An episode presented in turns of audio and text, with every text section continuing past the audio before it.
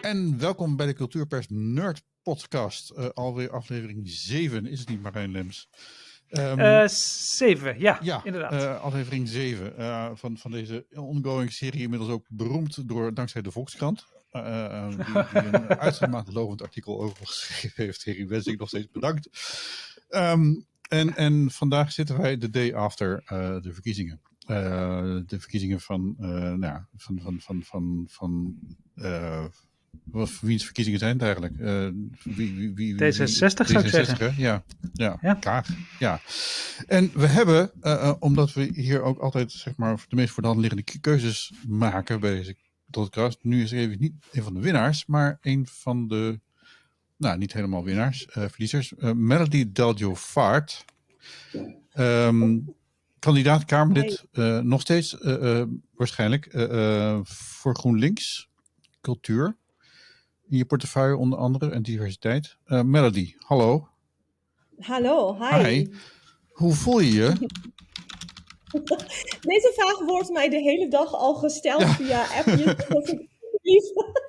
maar ja, ik zeg eerlijk, ik hoorde je net ook zeggen uh, met, uh, nou ja, verliezer. Maar ik heb niet het gevoel dat uh, dat ik een verliezer ben of wij een verliezer zijn. Want ja, het oh, is een, even, er zit iemand heel erg hard te typen tussendoor. Uh, Marijn, zou je dat oh, niet willen doen? Ja, excuus.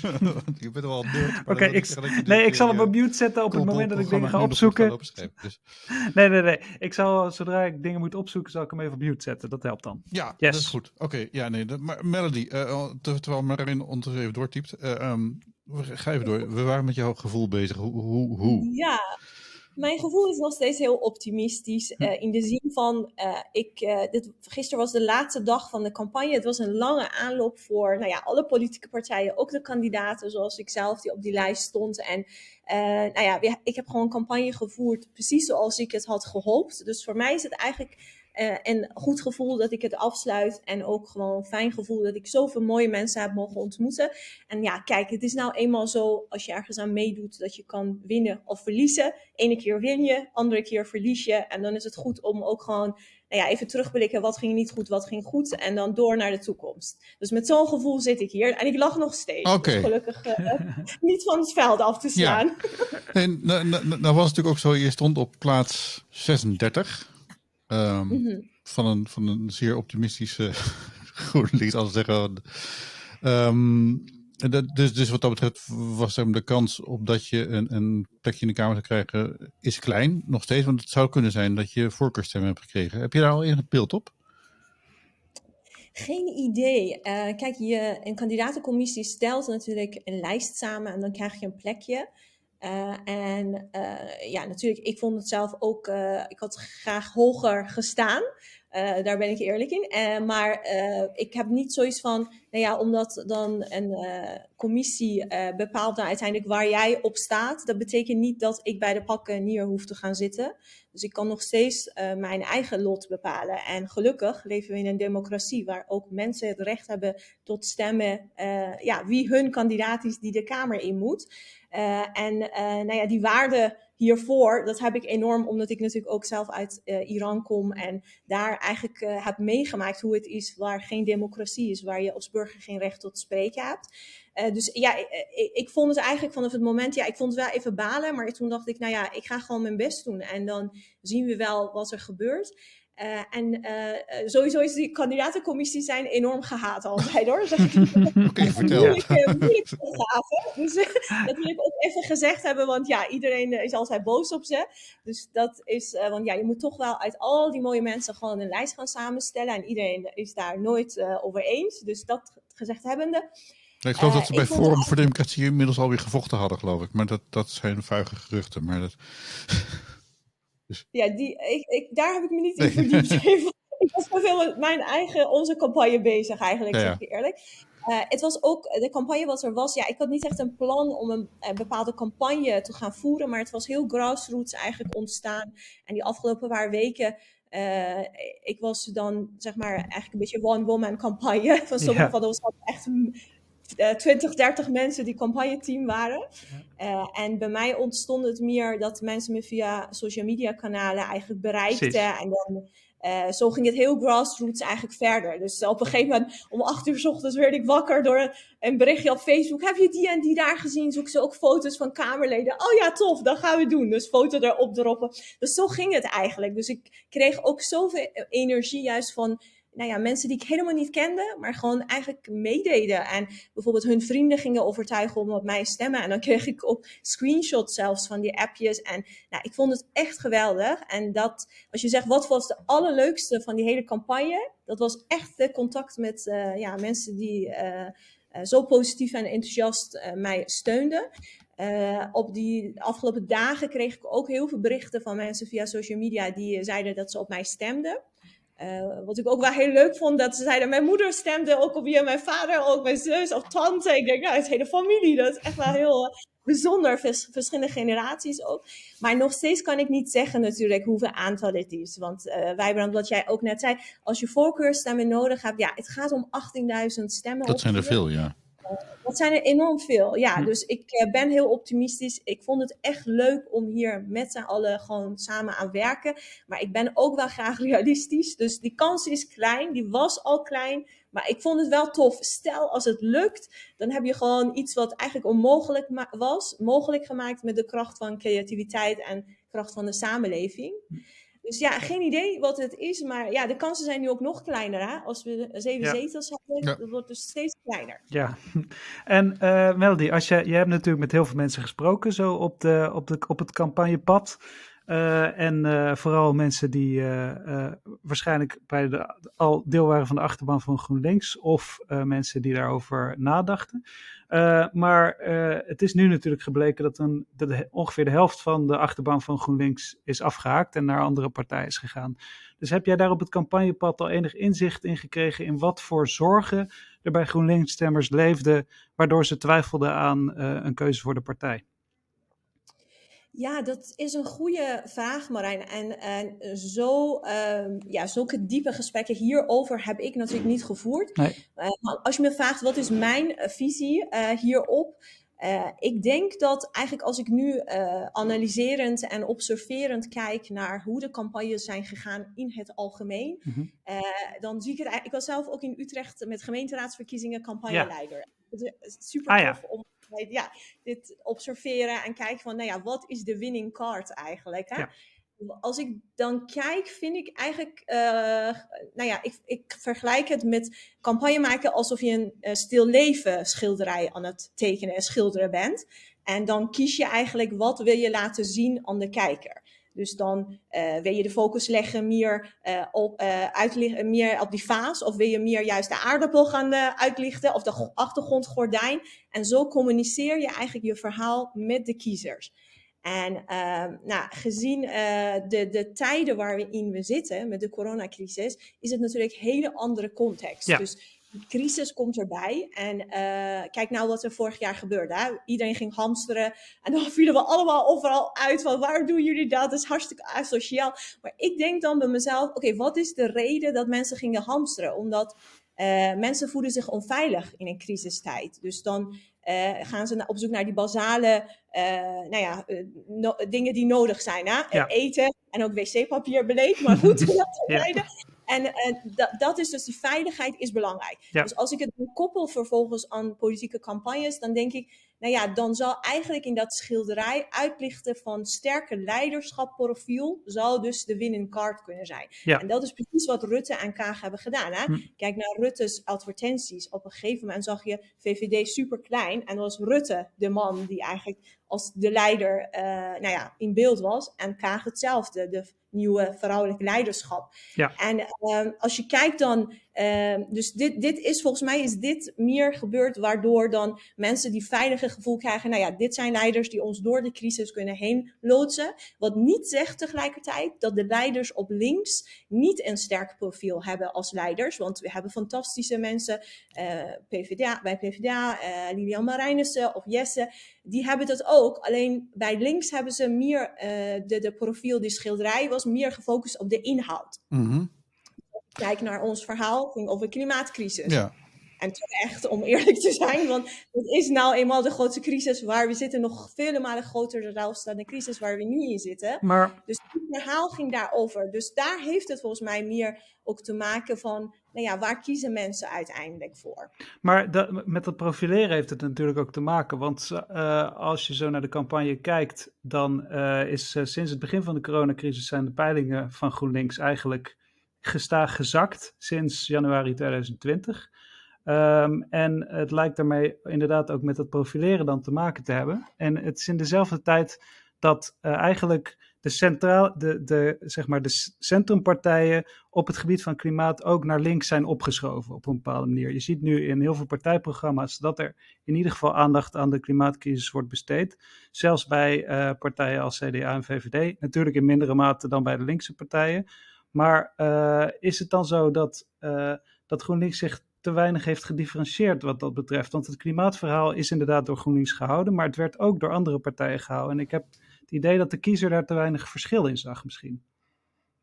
Ja, no, uh, nogmaals, die, um, zo'n diepe analyse heb ik natuurlijk als kandidaat hier niet over gemaakt. Nee. Uh, ik vind het mooi om te horen hoe jij dat uh, beschrijft. voor mij is het dan, het klopt dat wij blijven vasthouden inderdaad aan ons verhaal, inhoudelijk verhaal over klimaat. Mm -hmm. En nogmaals, ik vind dat ook goed, want daar gaat politiek over, hè? gaat over inhoud. Maar uh, het is nu wel even door de crisis toch anders, uh, ja, anders uitkomen zien. Dus ik krijg echt het gevoel van, ja. er zijn heel veel zwevende kiezers ook op links. Hè? Dat is, het linkse blok is nu eigenlijk niet kleiner geworden, maar is versplinterd. Ja, het is wel, het is wel degelijk kleiner ja, geworden. Kleiner. In totaal ja.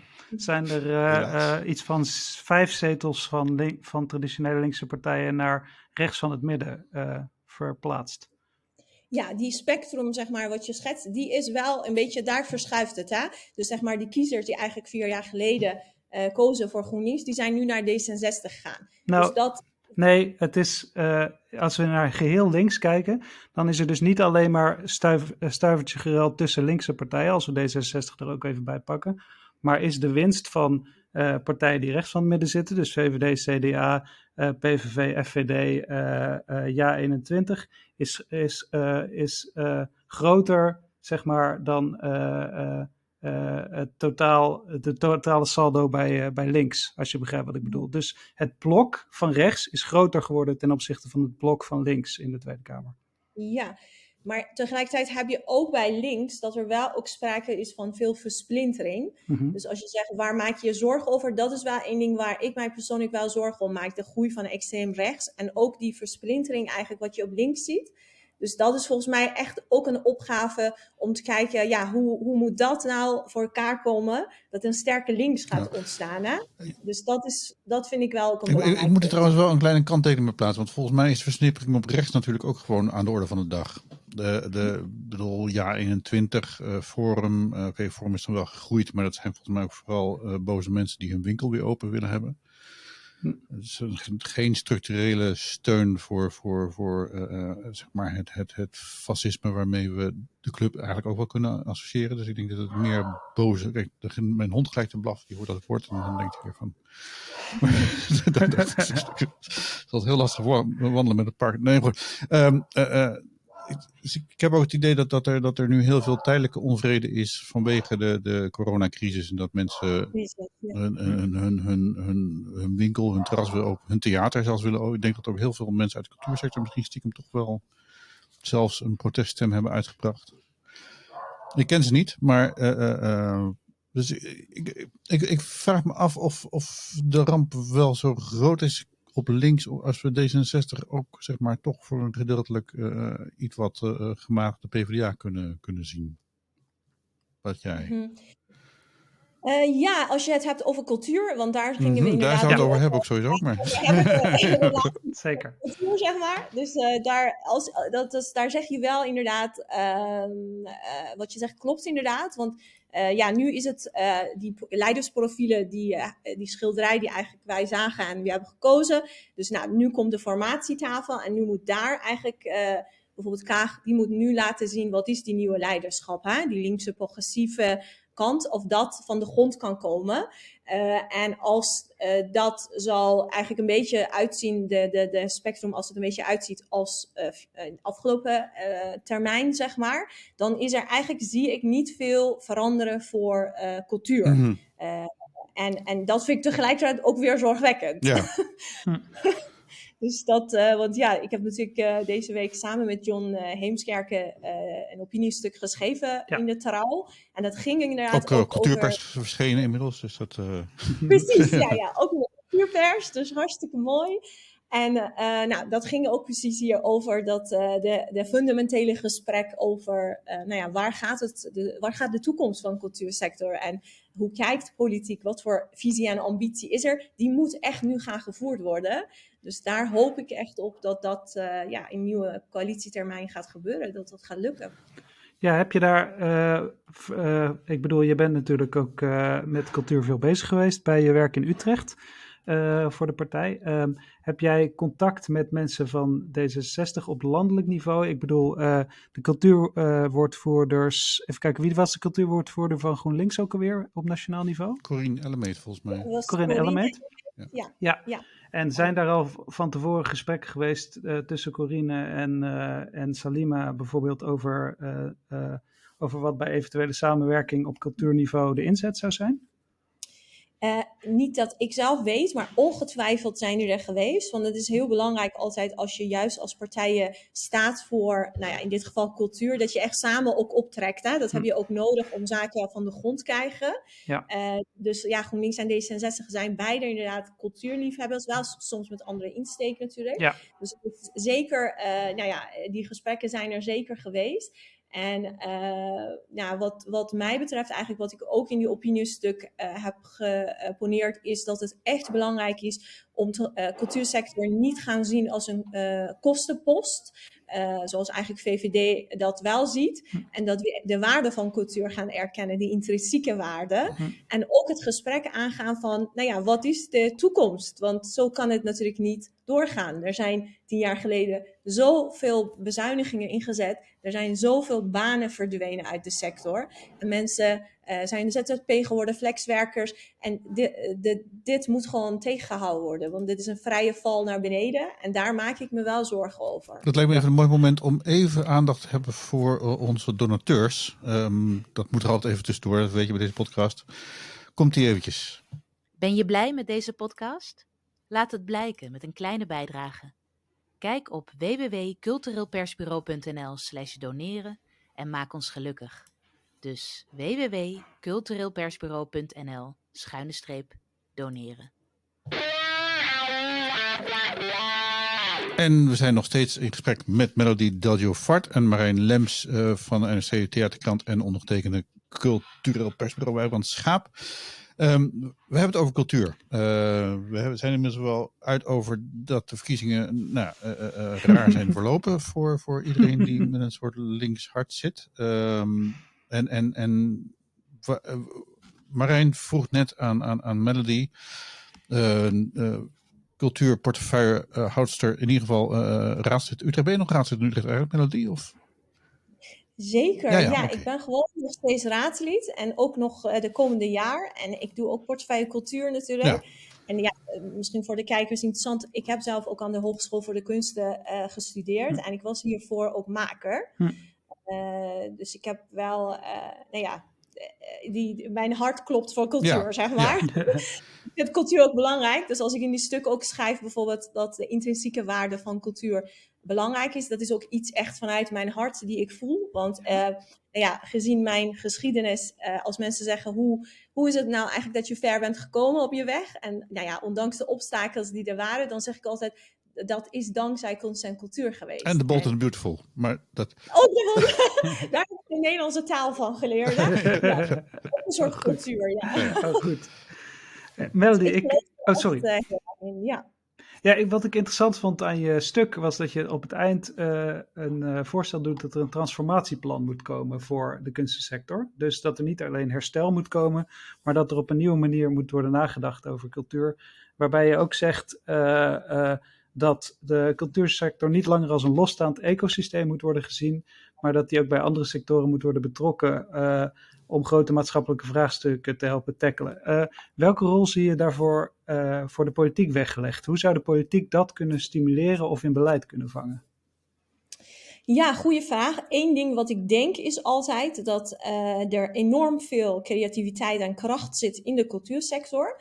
En dat het voor de politiek echt belangrijk is juist de goede dialoog aan te gaan. Ja. En het faciliteren dat je kan in gesprek gaan met mensen. Want ik hoor regelmatig ook vanuit mijn werk uh, als raadslid uh, dat er zoveel ideeën en zoveel mooie dingen zijn die gewoon niet gehoord worden. Niet vaak genoeg. En dat is eigenlijk wat ik denk dat voor politiek als eerste super belangrijk is. Dat die gesprek wordt aangegaan en dat het wordt gefaciliteerd om met de sector kijken wat is die nodige stap om te zetten. Hoe kun je zorgen dat de cultuur uh, veel meer gaat bruisen midden in de maatschappij komen staan. Als je kijkt nu bijvoorbeeld naar de coronacrisis. Uh, iedereen zit aan die belangrijke tafels. Waarom zat bijvoorbeeld de cultuursector niet? Inmiddels volgens mij ook wel. Maar waar, waarom betrek je cultuur niet juist op dat soort momenten? Want dit is de sector die uh, de kracht heeft van het nadenken en het visie en uh, creatief denken en oplossingen kunnen bedenken. En die kanten worden te weinig gezien nu eigenlijk door de politiek. Uh, en wat ik ook heel erg merk is, dus los van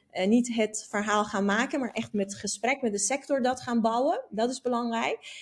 Maar ook zorgen eigenlijk dat nou ja, de cultuursector um, niet als een losstaande uh, ecosysteem is. Hè? Dat het echt wel in an met andere sectoren in contact wordt. Dat soort ja. dingen kan de politiek uh, faciliteren. Ja, ik, ik, ik, ik zit dan wel zo. Ik, ik, had ook een beetje bij die, bij die conclusie wel nog een soort vraag. Omdat GroenLinks staat een beetje bekend als een partij die uh, zeg maar cultuur hoog in het vaandel heeft staan. Maar wel als middel om sociale problemen bijvoorbeeld aan te pakken. Um, wat zeg maar een beetje in tegenspraak is met die intrinsieke waarde. Nou is GroenLinks volgens mij wel daarvan afgeweken de afgelopen jaren. Want Corine Ellemeet is volgens mij ook minder zeg maar, op die spoor gaan zitten en veel meer op, op zeg maar, het van cultuur is er gewoon omdat cultuur is. Dat, dat, dat. Hoe, hoe zie je dat zeg maar, in, in, in dit verband, uh, Melodie? Ja, want uh, uh, dat is absoluut waar dat wij het zien als uh, intrinsieke waarde van cultuur. Dat is heel belangrijk. Dat is ook iets wat we eigenlijk afgelopen jaren inderdaad ook vaak zijn blijven roepen. Maar die maatschappelijke kant, dat zegt niet dat die maatschappelijke kant er ook niet is. Hè? Mhm. Want de cultuursector is heel divers. Ja. En heel, dat is ook een rijkdom eigenlijk. Dus je hebt verschillende uh, disciplines die zich inzetten op verschillende manieren. Dus als, bijvoorbeeld als je ziet de uh, social designers, die zetten zich juist in om die maatschappelijke onderwerpen te tackelen. En uh, als je kijkt bijvoorbeeld nou ja, naar theatermakers, die, hebben, die, die geven ons dan door het werk wat ze maken hoop. En door het werk wat ze maken geven ze ons, nou ja, laten ze andere ramen open zien, zodat we de, de nou, maatschappelijke onderwerpen anders bekijken. Dus het is, eigenlijk is het, de cultuursector is heel, uh, heeft een enorme rijkdom aan verschillende uh, kanten, zeg maar. Dus ik zou het eigenlijk te kort uh, vinden schieten als je dat in één hokje gaat stoppen. Maar ik vind wel dat het echt belangrijk is dat we erkennen in de politiek dat die intrinsieke waarde van de cultuursector belangrijk is. Dat het niet een kostenpost is. en dat, nou ja, dat dat nodig is voor die brede welvaart. Daar staat GroenLinks ook heel erg voor. Uh, cultuur draagt aan bij dat dat juist die brede welvaart, dat mensen gelukkig zijn, mensen cultuur ja. kunnen beleven en van genieten, dat vinden we echt heel belangrijk. Dat staat voor ons echt voor. Ja. Hey Marijn, volgens mij haalde jij vorige week ook een stuk aan uh, uh, op Facebook, dat wat ik zelf ook gelezen heb, over de uitvinder volgens mij van het Janssen-vaccin. Um, er is een wetenschapper die dat volgens mij dat, dat vaccin bij toeval heeft ontdekt. Waarom begin ik hierover? Um, omdat die man ging. Nee, die, die, man, die man ging rare dingen uit. Uh, die, die, die, die, die heeft een, tijd lang gewoon had hij een enorm budget voor onderzoek, wat nergens over ging. Dus hij hoefde niks te vinden. Dat was een beetje ah. de, uh, de vraag. Hij ging gewoon fundamenteel wetenschappelijk onderzoek doen naar dingen die hij grappig vond om uit te zoeken. Bij toeval okay. heeft hij toen zeg maar, ja. de sleutel gevonden waarmee dat vaccin op dit moment wereldwijd uh, uh, een, een, een, succes is en, en dus onze problemen oplost. Een experiment was eigenlijk. Ah, ja, dus, dus, dus, dus dat, dat, dat wijst op het belang van fundamenteel wetenschappelijk onderzoek, wat niet zeg maar gebudgeteerd wordt met van ga een oplossing vinden voor dit, dit probleem, maar joh, uh, hier heb je 5 miljoen, uh, bel over een jaar terug en, en dan praten we verder. Dat, ik, ik heb soms het idee dat kunst nu te vaak wordt gevraagd van, goh, wij geven je geld en dan moet je dit en dit probleem voor ons oplossen. In plaats van, joh, ga dingen maken en we komen op een gegeven moment achter of we er wat aan hebben.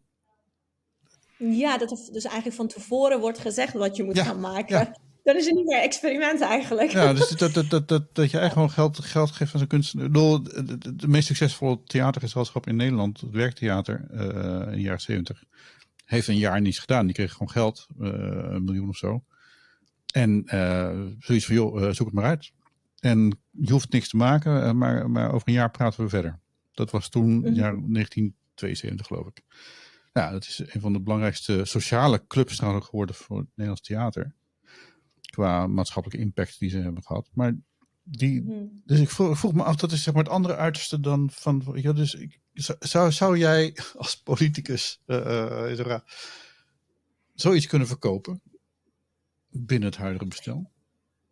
Dus dat het, dat eigenlijk moet stoppen, bedoel nou, nee, dat je echt gewoon geld geeft aan, aan, aan kunstenaars en jongens, het maar uit. En, en uh, die, het maatschappelijke doel, dat is onze taak. Dus daar gaan, we, we ja. dus gaan wij dan wel kijken of, of we er iets mee kunnen. Misschien ook niet. Mm -hmm.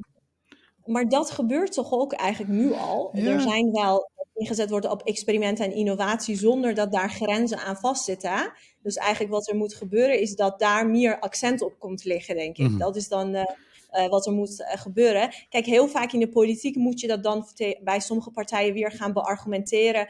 Nou ja, wat is dan de nut? Of wat, want het is heel niet meetbaar, hè? Wat de ja. nut, en, en ik heb zoiets van, ja, dit is niet mee, omdat het niet meetbaar is, zegt het niet dat de nut er niet is. Want het gaat over de, uh, de beschaving eigenlijk die we als land hebben. Cultuur is onze beschaving. En, uh, en zelfs als je dat gaat meetbaar maken, dan uh, is het dat je, nou ja, dat had ik in een stuk ook geschreven met precieze cijfers van CBS, dat 3,7%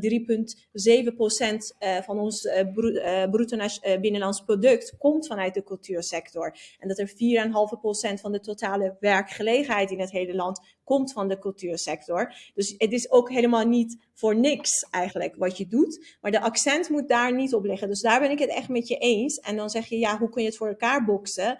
Ik denk dat het in de politiek echt heel belangrijk is dat er meer mensen zijn die hiervoor gaan staan. En uh, ook de cultuursector een stem geven. Uh, en dat maar, is echt heel belangrijk. Ja, en dan komen we ook bij een belangrijk punt. Want natuurlijk vinden we allemaal dat de politiek dat meer zou moeten doen. Maar wat denk jij dat de kunstensector eraan zou kunnen doen om dat te bewerkstelligen? Want we kunnen wel met z'n allen zeggen, oh, de politiek zou dit of zou dat. Maar het is ook interessant voor ons als kunstensector om te weten, hoe kunnen we daarvoor zorgen? Hoe kunnen we het beste lobbyen? Uh, kunnen, nou ja, dat soort vragen. Uh, zou je daar iets over kunnen zeggen? Super goede vraag, want dat is gelijk een mooie bruggetje, want dat wilde ik nog gaan zetten. Want ik schreef het net op, ik moet dit niet vergeten. Want voordat ik hier kwam, dacht ik, ik ga me even voorbereiden. Maar ik dacht, dit moet ik echt zeggen, want dat is precies waar het over gaat. Hm. Kijk, ik kan in de politiek dit roepen, mijn collega's kunnen dit roepen, maar we hebben jullie ook nodig. Ja. Uh, dus bijvoorbeeld, als je kijkt nu naar de campagnetijden, ik miste de cultuursector enorm. Mm-hmm. Want andere uh, groepen uh, hadden echt heel grote lobby ingezet. En uh, dan bijvoorbeeld de cultuursector had één debat. en verder heb ik wel hier en daar inderdaad wat artikelen en dingen gelezen. Maar ik denk dat het op die momenten enorm belangrijk is om jullie stem vanuit jullie sector gewoon laten horen. Dat politici echt weten uh, nou ja, daar moeten we ook gewoon achter gaan staan. Daar moeten we voor gaan knokken.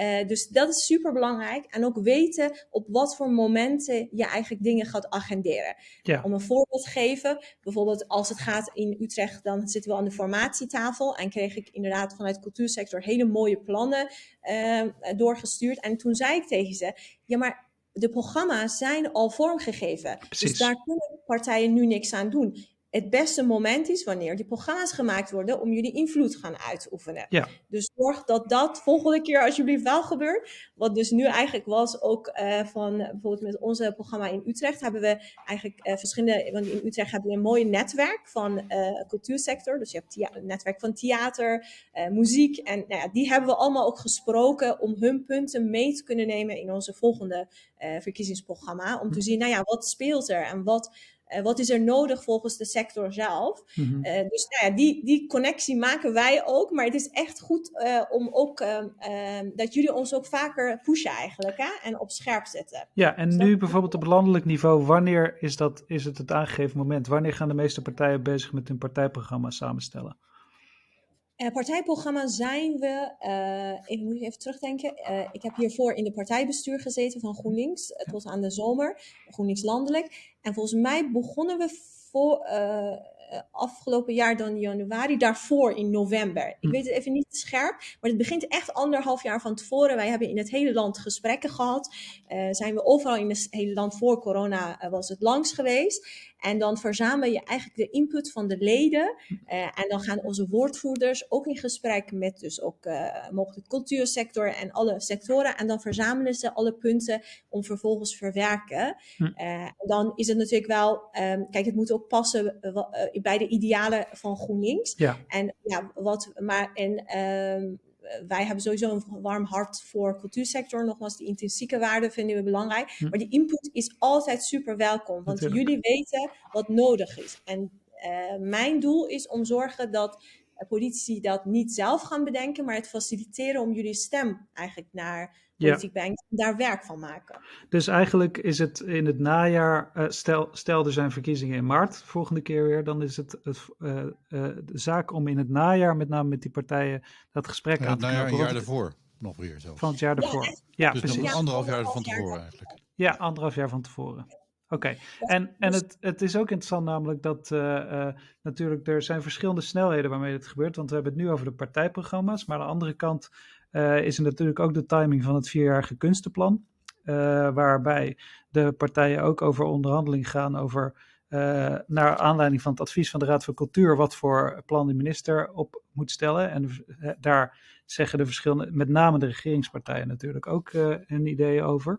Dus er zijn van dat soort verschillende momenten in het politieke jaar waar, waarbij er eventjes eh, eh, zeg maar collectieve eh, actie en eh, geluid vanuit de sector moet komen. Ja, en ik zou zeggen, maak daar gewoon met de sector eigenlijk een soort eh, tijdlijn. Wanneer het belangrijk is om. En ga gewoon trekken aan de eh, woordvoerders. Want eh, wij, als Precies. volksvertegenwoordigers, ik word ook enorm vaak benaderd. En ik ga altijd daarop in en altijd mensen spreken. Het is een enorme rijkdom, juist. Zelf ervaar ik dat als een rijkdom als ik mensen spreek die mij juist hun input meegeven. Dus zorg, ga ook gewoon in gesprek met woordvoerders en eh, hou die lijnen kort. En dat is enorm belangrijk dat ze weten dat jullie eh, daar staan. Het moet niet zo zijn dat jullie maar wachten. Dat was ook een eh, goed stuk eigenlijk in volgens mij NRC deze week. En het ging over, nou ja, over 24, eh, 48 uur weten we wat cultuur, kunst en cultuur is. Weet je, dan weten we welke partij komt aan de macht. En- En dat is een enorme Ja. spiegel, want dat is precies wat er gebeurt. En dat moet echt niet zo zijn. Want ik denk dat jullie zelf kunnen bepalen, eh, eh, juist van buitenaf, wat cultuur moet zijn. En daar is gewoon die, eh, nou ja, je stem laten horen echt belangrijk. Ja, en nou, Ja. nou vind ik het wel interessant in dit opzicht, want we hebben natuurlijk een lobbyorganisatie. Overal waar we het over wij en jullie hebben, wij zijn journalisten. Ik bijvoorbeeld journalisten, ben geen cultuurmaker vooralsnog. Maar uh, dus dat is even, we zijn eigenlijk heel onbevangen. Maar nee, maar even, even los daarvan. uh, um, uh, we hebben Kunst 92. Dat is, die, die hebben heel lang erover gedaan om te zorgen dat de cultuursector met één geluid zou spreken. Um, en, en, en omdat, omdat er uh, natuurlijk, ik heb ook in, in de auteursbond gezeten en dan was weer zo, dan waren die weer aan het praten met die woordvoerder en die weer met de andere woordvoerder en zitten dan weer op justitie en nou, het wordt. Um, dus hoe, hoe zie jij, want je, je zei eigenlijk van ik heb de lobby gemist in de afgelopen uh, verkiezingsperiode van de cultuursector en um, dan, dan, dan denk ik van ja, maar volgens mij was Kunst 92, die, die echt, echt, echt godganse dag bezig ermee waar waren ze? Hebben ze de verkeerde gebeld? Nou, het, we hebben het dus over die twee snelheden. Hè? Want Kunst 92 heeft zich met name ook bezig gehouden met de besluitvorming over, uh, over de FPK. Uh, over uh, of er extra geld naar het FPK moest om de gezelschappen op de B-lijst, die dus net buiten de boot waren gevallen, te redden. en daar hebben ze zich volgens mij ook succesvol op ingezet. Mm -hmm. Want daar zijn ze inderdaad met de cultuurwoordvoerders in gesprek gegaan. En ik heb daar met Salima Belhadje over gesproken voor een artikel in NRC. De, zij is de cultuurwoordvoerder van D66. En zij zei ook van, ja, ook dat was een beetje aan de late kant, dat die Mhm. lobby op gang kwam. Omdat die timing dus zo ver van tevoren ligt en partijen daar al zo lang van tevoren hun standpunt over klaar hebben, eh, eh, eh, speelde dat daar ook een belangrijke rol bij. Dus misschien dat dat ook onderdeel is van gewoon dat, dat ook Kunsten 92 eh, eh, pas laat reageert, wellicht vanwege de moeite die het kost om de hele sector daarop in een lijn te krijgen, of hoe lang het duurt voordat doordringt tot de sec- sector, wat de eigenlijke gevolgen zijn van het beleid. Want dat was natuurlijk bij die B-lijst ook aan de hand, is dat die lobby pas op gang is gekomen toen daadwerkelijk de adviezen van het FPK er lagen en duidelijk werd welke gezelschappen er allemaal zouden sneuvelen. Terwijl al lang duidelijk was, ook voor de hele sector, dat er te weinig geld bij het FPK was, maar er toen nog niet echt hard kon worden gemaakt van eh, eh, dit is te weinig geld Hmm. en er gaan heel veel gezelschappen sneuvelen zonder dat je die gezelschappen zelf al bij naam Ja. kon noemen. Mhm. Maar je noemt eigenlijk, dit zijn twee dingen? Hm. want eh Kunst 92 had die debat georganiseerd, waar ik het net ook over had, Mhm. eh, een Zoom-debat. En dat was wel inderdaad, zover ik kon zien qua geluid, was dat de enige grote wat ik zag. Maar waar ik het ook over heb, is deels, eh, kijk, jullie gesprekspartner is voor een deel politiek, om politiek overtuigen van wat, eh, nou ja, wat jullie nodig hebben. Maar jullie hebben ook een enorme kracht in de samenleving. Hè? Er zijn heel veel mensen die ook echt draagvlak voelen voor kunst en cultuur. Hm. En dat zijn die kiezers die op eigenlijk, eh, al- als je kan duidelijk maken eh, op welke partij bijvoorbeeld het belangrijk is, eh, die voor kunst en cultuur staan, zeg maar, daar heb je ook een enorme kracht mee. Want het is heel meerzijdig eigenlijk. Want die draagvlak in de maatschappij maakt het dat politiek het ook gaat doen uiteindelijk. Hm. Dus dat activistischere, dat zou ik ook zeggen, pak die rol ook gewoon op. Van, ehm, Ja. ja, soms kun je, kun je politiek ook gewoon eigenlijk, eh, ehm, nou ja, hoe, hoe is het goede woord? Dat, dat zij het maar moeten gaan Ja. doen. Hè? Ik bedoel, Ja. kijk naar de Black Lives Matter. Staan we allemaal in alle steden en Precies. roepen we wat we willen en dan gaan ze het maar doen ook. Ja. Dus zo denk ik ook over cultuur eigenlijk. Ja, dus je hoeft niet altijd te denken, doe, help ons alsjeblieft. Jullie kunnen ook zelf eigenlijk zorgen dat zij het maar moeten gaan doen. Ja, Ja, ja. dat is, en de- dat sector zo verdeeld als de cultuursector volgens mij. Dat is natuurlijk wel een Nou ja, probleem. en ook, en ook dat het misschien eh, eh, op de momenten dat het wel is gebeurd, bijvoorbeeld bij de Mars der Beschaving, eh, bij de bezuinigingen van Halbe Zijlstra, is het lastig eh, om een soort geluid te maken dat niet geprivilegeerd voelt ten opzichte van andere Ja, dat was een vrij gênante pijnlijke die- elementen. Die.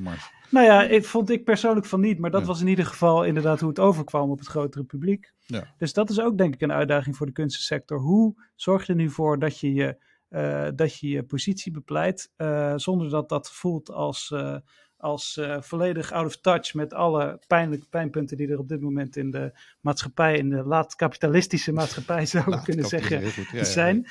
Eh, eh, maar ik denk dat er inderdaad een, een kans zit in wat Melody eigenlijk ook zegt, in het verbinden met andere sectoren, in, het, in die verbindenissen zien, in een soort van systemische aanpak van luister, we liggen hier allemaal onder vuur vanwege de manier waarop dit politieke systeem is ingericht.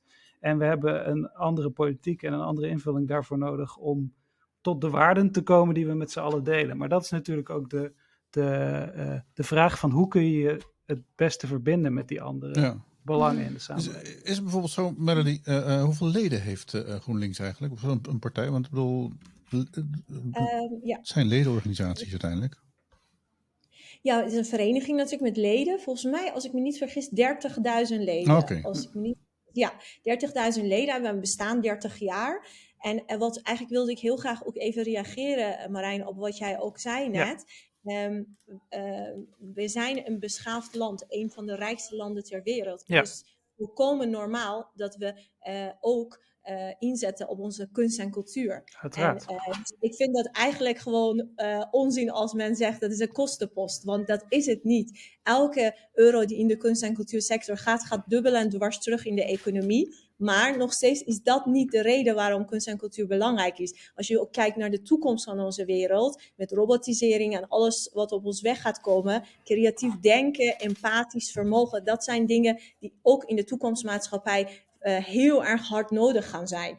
En wat ik zei, als, als je mij zegt hoe ben je zo ver gekomen, doordat ik vanaf mijn vierde op kunst- en cultuurlessen werd gezet en uh, kon leren om creatief te zijn, ook als er obstakels zijn, dat je gewoon een andere route kiest en je gaat gewoon je doel bereiken. En dat is echt, dat zijn zulke belangrijke waarden, dat, je, dat is geen linkse hobby. Dit is gewoon fundamenteel iets wat hoort bij onze maatschappij. Ja. En als we een rijk land zijn en waar we brede welvaart willen, moeten we dit gewoon ondersteunen. Maar daar zijn we het met z'n allen in dit gesprek over eens. Ik denk dat vooral de vraag is, hoe krijg je daar meer, voor dat idee meer draagvlak? En ik betwijfel of door het blijven herhalen van die intrinsieke waarde van kunst, dat er daar meer politiek draagvlak voor komt. Dus het is ook de vraag van, wat is je messaging daarin? Of hoe kun je daar meer draagvlak voor creëren door voorbij te gaan aan mensen die al zijn overtuigd van de intrinsieke waarde van kunst? Ja, dan heb je die, uh, weet je, dat is ook de uh, laatste jaren natuurlijk door die reden ook gebeurd dat mensen hebben berekend ja, hoeveel economische waarde heeft kunst en cultuur. Dat zijn die cijfers die dan net ook genoemd werd.